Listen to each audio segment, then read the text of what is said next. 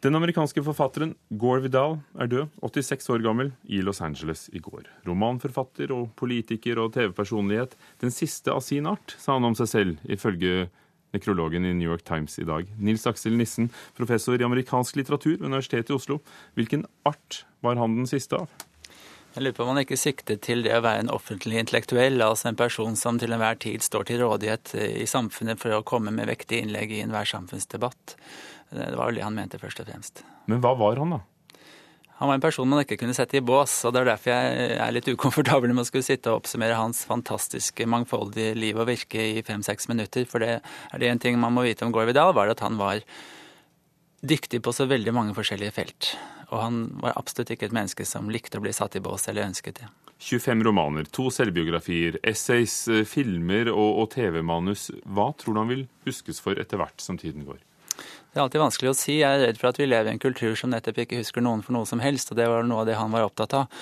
At uh, den raten vi, eller den hyppigheten vi glemmer i, er et kjennetegn ved vår postmoderne kultur som forstyrret ham. Da. Men vi kan f.eks. ta de seks skuespillene, som var de eneste du ikke nevnte i den oppramsingen. Eh, mens vi sitter her, så har de jo nettopp satt opp The Best Man, hans mest kjente skuespill, på Broadway. Og det er interessant i seg selv at det stykket fortsatt oppleves som aktuelt. Og det er Eric McCormick, Will fra Will and Grace, som spiller en av hovedrollene. Det er Candice Bergen, det Lansbury, altså fantastisk spennende teater i New York i dag. Én ting som kan hjelpe ham å bli husket, er noe av det som hjelper Oscar Wilde eh, å, å leve videre, nemlig festlige sitater. Det er det blant annet. Og jeg har sortert litt i huet mitt i dag for ikke å komme med Jeg hadde faktisk holdt på å lure inn et Oscar Wilde-sitat som, som, jeg trodde var et Gore Vidal-sitat. Jeg har spesielt sansen for når han sier at en, hans definisjon på narsissist, f.eks. Har du hørt den? En person som er penere enn deg. det er narsissist. Han har også en ganske interessant definisjon på heteroseksualitet. Du vet, Han var ganske åpen om sine egne kjærlighet og erotiske tiltrekninger mot menn på et tidspunkt hvor det ikke var vanlig. Innen han var, Før han var 30, han har hatt over 1000 eventyr med menn og kvinner, ifølge selvbiografien Palimpsest? Ja, det er også imponerende i seg selv. Jeg lurer på hvordan han fikk tid til å skrive alle bøkene. Men uansett, heteroseksualitet, da, som han definerte som et underlig begrep av nyere dato med fryktelige konsekvenser.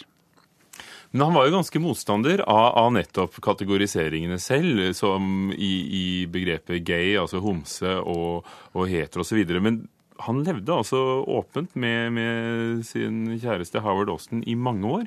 Eh, samtidig som han stilte til valg i New York og til senatet i California i 1980.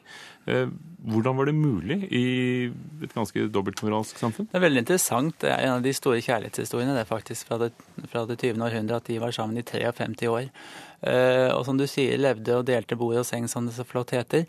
Hvordan det var mulig? Det eneste vi kan si, var at det var mulig. Han likte jo å late som at han var marginalisert da når det passet seg slik, og at han var blitt sensurert, og at ingen ville anmelde bøkene hans. Men ingen faktum er at Gore Vidal er spennende fordi han sto virkelig i sentrum av den amerikanske kulturen i over et halvt århundre. Han var der det skjedde.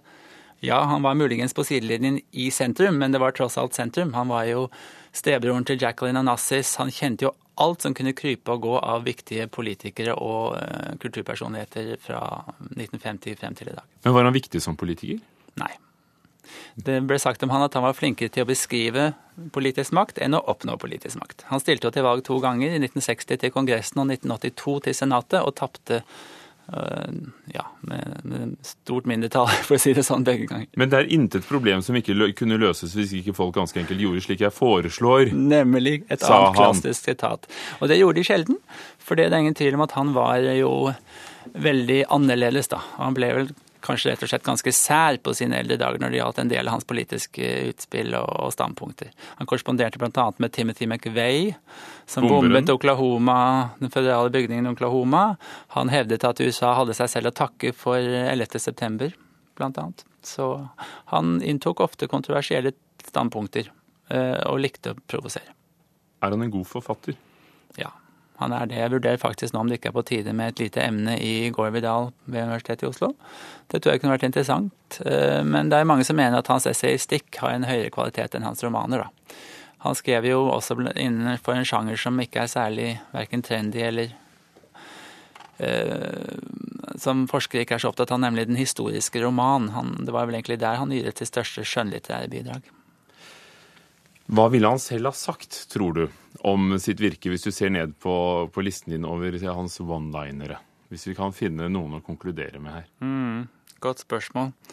Um, hans definisjon av stil er det kanskje interessant i den sammenheng? For han var en ganske stilig og elegant gestalt der han opptrer. Både fysisk og i det skrevne ord.